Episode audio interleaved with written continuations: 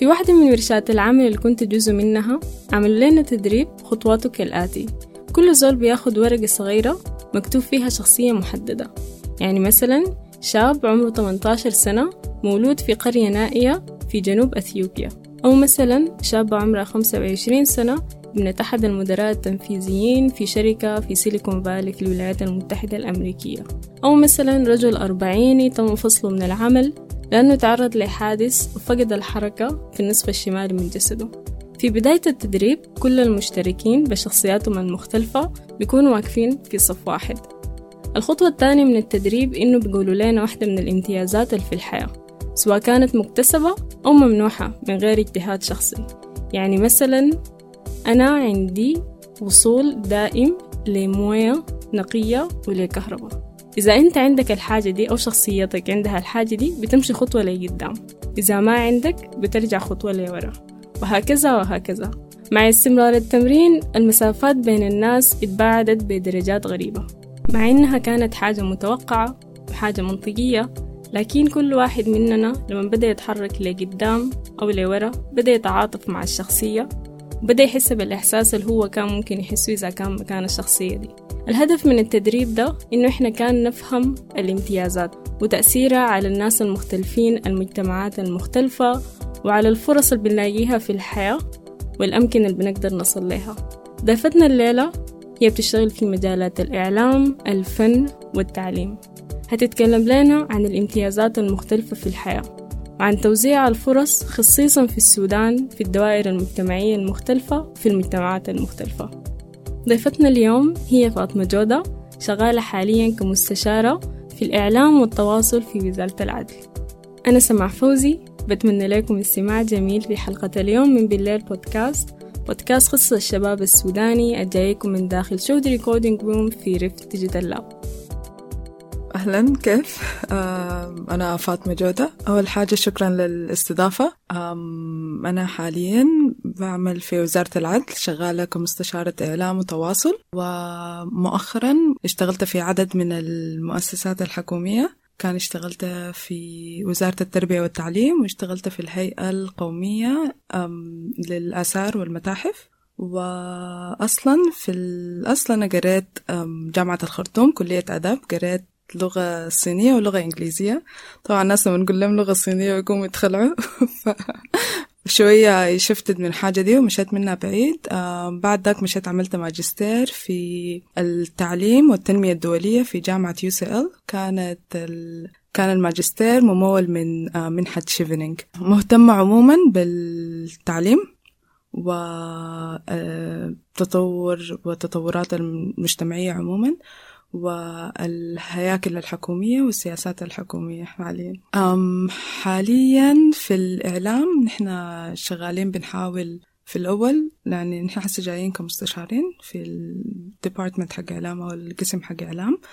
بنحاول نفهم الحاصل شنو؟ الإعلام شغال كيف؟ والتواصل جوا جوا الوزارة ذاته شغال كيف؟ يعني من ناحية حقت آه إيميلات الأقسام ذاتها مع بعض بي بيتواصلوا مع بعض بأي طريقة. هل الناس فاهمة كل قسم قاعد يعمل في شنو كده؟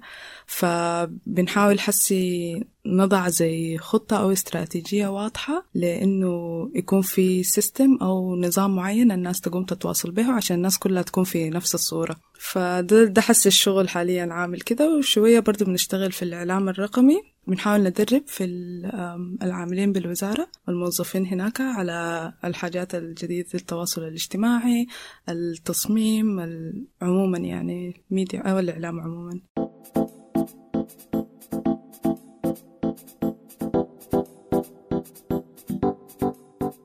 السبب اللي خلاني أشتغل في الإعلام سبب منفصل تماما خلاني أمشي أشتغل في التعليم. الإعلام دخلت فيه في إنه هي في الأول كانت هواية. بديت أتعلم من أيام الجامعة من سنة تانية جامعة بديت أتعلم تصميم براي أو graphic design براي في البيت في بحضر tutorials يوتيوب videos كده. فالحاجة دي لقدام فتحت لي أبواب تانية إنه أشترك في أنشطة مختلفة أنشطة فنية أنشطة ثقافية وكل مرة مفهومي لل... للإعلام طلع من حتة بس التصميم ده وبقيت أنمي قدراتي في الإعلام أكتر من كده. فاكتشفت إنه هو مفرع ذاته لحاجات كتيرة شديد ممكن الزول يخش فيها. ده بالنسبة للإعلام بقى فيه كل مرة بلقى روحي دخلت في حاجة تانية لحد ما بقى عندي خبرة فيه. دي الحاجة اللي وصلتني حسي لأنه أنا شغالة في, في الإعلام والتواصل. بالنسبة للتعليم كان قريت لغات لغة صينية ولغة إنجليزية لكن ديورينج أو في فترة الجامعة جامعة الخرطوم لاحظت إنه في تنوع قدرت أحتك أو أشارك في حاجات مختلفة ومتنوعة. كان أنشطة سياسية ثقافية مجتمعية عمل ميداني. الحاجة دي أنا ما كنت تعرضت لها قبل الفترة الجامعية. الحاجة دي خلتني إنه بعد ذاك ادتني دفعة لإنه أفهم الحاصل شنو في البلد زيادة وأفهم إنه السبب اللي خلاني أخش جامعة الخرطوم كان بسبب امتيازات معينة خلتني أوصل للحتة المعينة دي. فبعد ذاك بقيت حاسة إنه في في فرق كبير شديد. في المؤسسة التعليمية في فروقات في فرص حق التعليم غير عادلة وغير متساوية بين الناس. فبالذات في القطاع الحكومي والقطاع الخاص. مع إنه زمان يعني أو أهلنا بيحكوا لنا إنه زمان الحاجة دي كانت عكس. القطاع الحكومي كان الدراسة فيه أفضل. يعني جامعة الخرطوم أيوة هي still من الجامعات القوية شديد لكن بتكلم عن المراحل اللي قبل الجامعية. فلاحظت إنه في فرق كبير شديد. في التعليم ودي الحاجة اللي خلتني إنه أنا أكون interested في في المجال حق التعليم.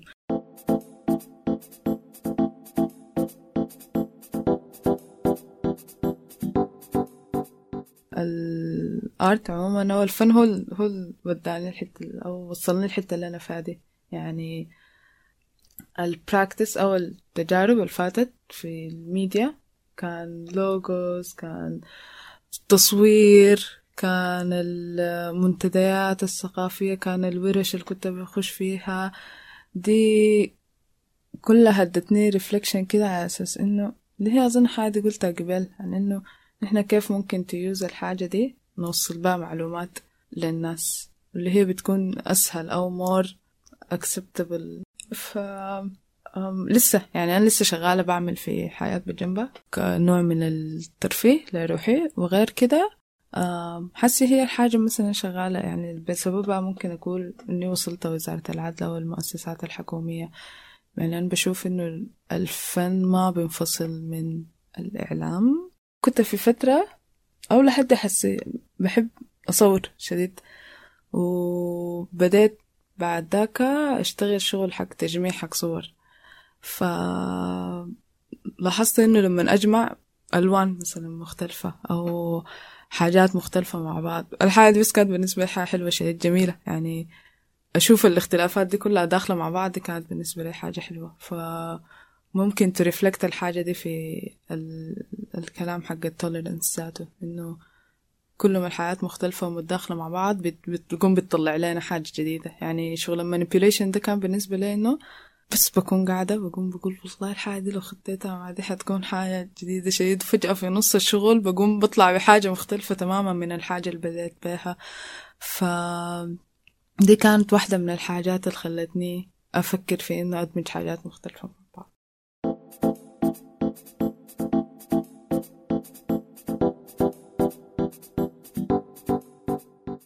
يلا أنا قبل ما أمشي الماجستير كان في راسي إنه أنا حاجي راجعة السودان. هحاول إني أكتسب خبرة في إنه أشتغل مع مؤسسات مختلفة في القطاع العام في منظمات عشان أكتسب خبرة أو أفهم الحاصل شنو في البلد زيادة. والهدف حقي كان حاجة كده كبيرة كانت دريمي إنه أنا أجي أسس لي مؤسسة هنا. بتلم كل الأطفال اللي ما عندهم فرص حق التعليم في السودان. واللي هم يعني كنت مركزة أكتر مع أطفال الشوارع. كان نفسي أجي يا هو أبني المؤسسة دي تكون حتة حقت داخلية حتة للتعليم حتة يلعبوا فيها تكون حاجة كده كبيرة تلم الناس دي كلها. بعد ذاك خلال الشغل في القطاع العام والمؤسسات الحكومية مع الحكومة لاحظت إنه في مشكلة أكبر من كده مشكلة أكبر من إنه بس نوجد مؤسسة أو نوجد لنا فاونديشن أو نبني لنا. هاي حاجة ظابطة ممكن يعني إذا في زول عملها حتكون ومفيدة آه لل individuals لكن لاحظت إنه في مشكلة حقت هيكلة أصلا في الحكومة. في مشكلة المنظومة الحكومية كلها من الأول ما ما شغالة كويس. ف فحسي بقيت interested إنه كده يا جماعة رح نبني أول شيء دولة مؤسسية والمؤس... والهيكل المنظومي أو الحكومي يكون شغال أول شيء functioning بطريقة كويسة في كل القطاعات ما قطاع التعليم بس.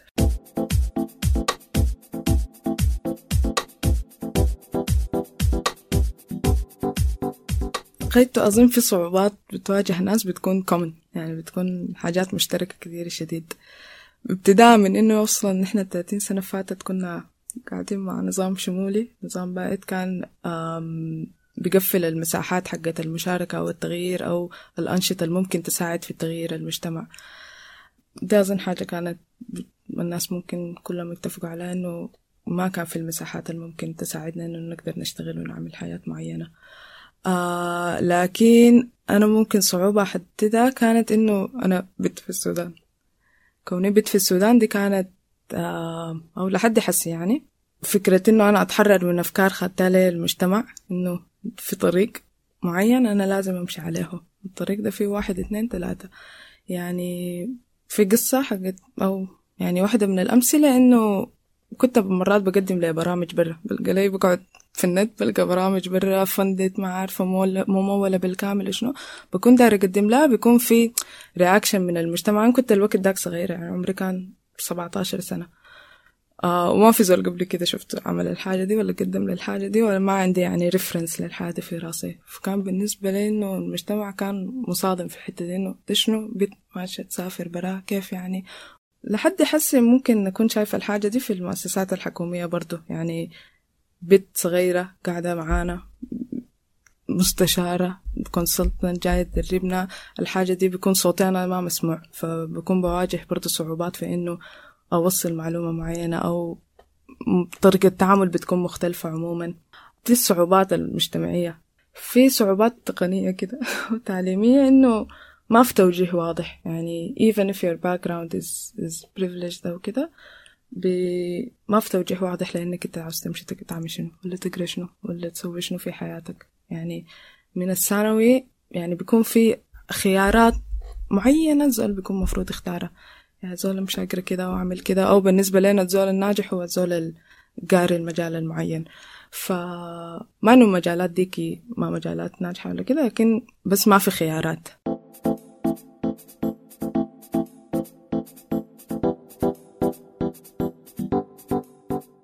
أوكي بالنسبة للحلول ما ما كان في حل واضح أو حل كده قاعد أنا قدرت أمسكه وأقول خلاص ده الحل وأنا ححل الحاجة دي كده. كان بالنسبة لي إنه دي حاجة اتعلمتها باي كده تجربة تجربة ولسه قاعدة بحاول أشوف في حلول تانية لحاجات كثيرة. شديدة وبتعلم في, في النص. بالنسبة للصعوبات المجتمعية كان بالنسبة لي إنه أنا أحاول إنه أفهم طبيعة المجتمع حقنا طبيعة الناس والناس بتفكر كيف. عشان أقدر أنخرط مع المجتمع وعشان أقدر أحاول إني أعيش حياتي بطريقة كويسة. ما إنه أمشي تو الحاجات اللي أنا نفسي فيها وداير أعملها لكن في نفس الوقت أحاول إنه في كل حتة أفهم الحاصل شنو وأحاول إني أناصر الحاجات اللي أنا بؤمن بها. المهم أنا شايفة إنه السودان فيه اختلافات كثيرة شديد و... والناس مختلفة كتير شديد. فالناس تحاول تلقى حتة في النص تحاول تتوحد أو تحاول تشوف الحياة اللي ممكن توحدها عشان تقدر تمشي لقدام. فآي في مشاكل كثيرة بتواجهني أنا كبت في السودان ودي ما حاجة حصلت حسي ولا يمكن في الثلاثين السنة فاتت هاي قبلها شوية الناس كانت أحسن. أو البنات كان عندهم مساحة أفضل لكن ده, ده تراكم حق مشاكل كثيرة وما حتتحل بإنه أنا أمشي برا أطلع كورك. يعني ممكن زول أطلع كورك ده رأي شخصي الحسي بقول فيه ده. يعني أنا شايفة كل كل طرق التغيير واردة. فبالنسبة لي إنه أحاول إنه زي ما قلت أفهم المجتمع وأحاول إني ت advocate for الحاجات حقتي بطريقة سلسة. بالنسبة للمشاكل أو الصعوبات التقنية والتعليمية أعتقد إنه القراية هي حل والتجربة. يعني الناس تقرأ وتغلط وتجرب تاني وتحاول تطور في روحها. مهما إنه أنا ما كنت عارفة إنه أنا دايرة شنو كنت بحاول إنه أمشي أنخرط في حاجات كثيرة ونشاطات كثيرة. مش أحاول أفتح يوتيوب أونلاين أقرأ. فدي كانت أظن واحدة من الطرق اللي كنت بحاول أحل بها الصعوبات بالنسبة للتعليمية والتقنية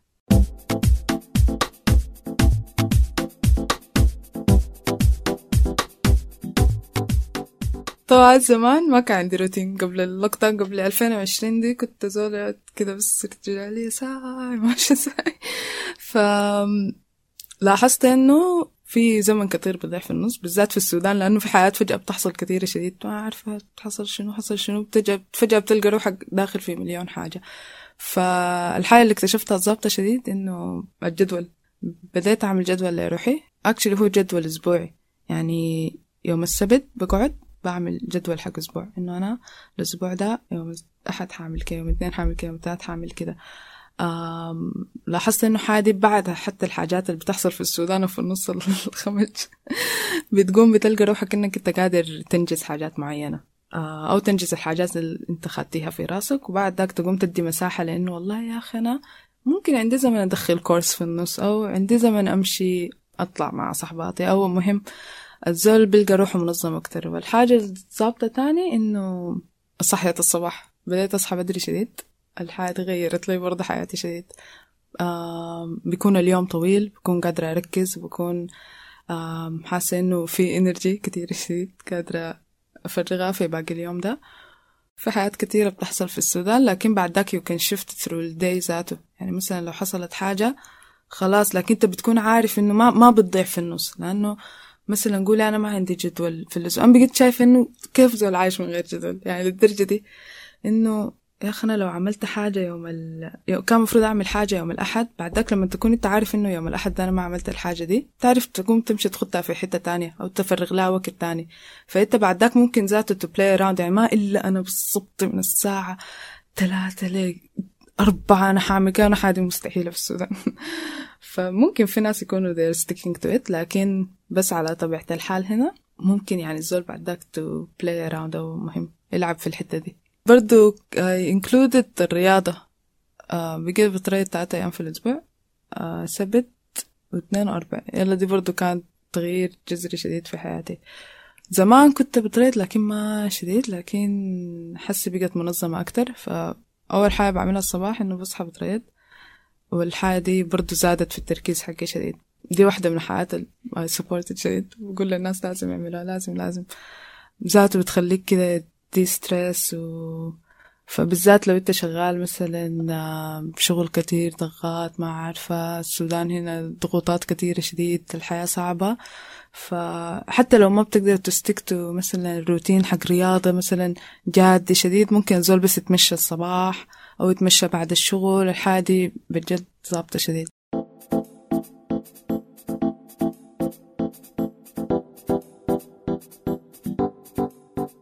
الحاجات المؤمنة بها إنه إنه تقبل الاختلافات. يعني مهما زول مختلف معك في أي حاجة في ديانة في أفكار في طريقة حياة في أسلوب آه الزول ده مدام ما قاعد يأذي في زول أو بيأذي في المجتمع مفروض نتقبله بأي حاجة فيه. فاطمة هنا شاركتنا قصة مؤثرة عن التقاطعات المختلفة للتكنولوجيا والابتكار في مجال التعليم عن تأثير الفقاعة الإيجابي اللي بيحصل لما نحن نستخدم الأدوات المتاحة لنا بطرق جديدة عشان نلقى بيها حلول للمشاكل اللي بتواجهنا. أنا قبل فترة يعني قبل ما أعمل الماستر حقي كنت شايفة إنه التعليم الإلكتروني ده ما حل في السودان. لكن حسي بعد ذاك لما جيت هنا بدأت أقرأ أكثر عن التعليم الإلكتروني إنه نحن كيف ممكن نستعمل ال ال ال الإلكترونيات في إنه نحن نحاول نكسر من ال gap ده. فلاحظت إنه الناس هنا فهمهم إنه التعليم الإلكتروني ده إلا لابتوبات وتابات وما عارفة شنو مع إنه كان لقيت واحد اسمه أبو بكر. أبو بكر ده قاعد يعمل في حاجة عظيمة شديد قاعدين يحاولوا يستعملوا التعليم الإلكتروني بطريقة مختلفة. يعني كان في عندهم مشوا عملوا مشروع في قرية. المشروع عبارة عن إنه جابوا بروجيكتور وهم برام يعني ناس مبادرة منهم سجلوا الحصص حقت كان دس اللي سنة تامنة. سجلوا حصص حقت سنة تامنة كلها في video tape. ودربوا منه دربوا الأستاذ حق المدير حق الجامعة إنه كيف يفتح الهناية وما أعرف شنو وكده. فأصلا القرية ما فيها أساتذة فكان المدير ده بس وهو ماسك أي حاجة تقريبا. بقى بيشغل البروجيكتور للناس وبقوا الناس بيحضروا. يعني حتى السنة ديك نسبة النجاح زادت بين إنه الناس اللي كانوا بيحضروا في ال... في الهنا دي وكانت more interactive كانوا عاملين fun وعاملين ما عارفة icons وشنو. الحاجة غريبة إنه السنة اللي بعديها سبعة سبعة قرى مجاورة جوهم عشان يتعلموا من نفس البروجيكتور اللي هم جابوا ده. فأنا شايفة إنه بالنسبة للتعليم نحن we need to think about new creative ways إنه نحاول نكسر الحياة دي. ما إنه okay في حاجات هي أساسية زي توصيل الموية الكهرباء الحاجات دي. آه حتى دي ما كان يعني الكهرباء كانوا عملوها بال solar panels لكن اللي هي برضو تكلفة يعني كبيرة شديد. لكن كيف إنه نحن ممكن نفكر في طرق نحاول نكسر بيها ال gap ده؟ وسريعة لأنه نحن خلاص العالم حسي متحرك وسريع شديد. ف والناس هنا في السودان بعيدين شديد نحن عايشين في العصر الحجري بجد فكيف ممكن ننط من الحتة دي بطرق جديدة وطرق مبتكرة يعني؟ كده بنكون وصلنا لنهاية حلقة اليوم من بالليل بودكاست مع ضيفتنا فاطمة جودة. لو عايزين تعرفوا أكتر عن الشغل اللي بتقوم به فاطمة ممكن تشوفوها في صفحتها على الإنستغرام. برضو ممكن تلاقونا في ريف ديجيتال لاب في مواقع التواصل الاجتماعي المختلفة. لاقونا في حلقتنا الجاية مع مصطفى فايز. في أمان الله.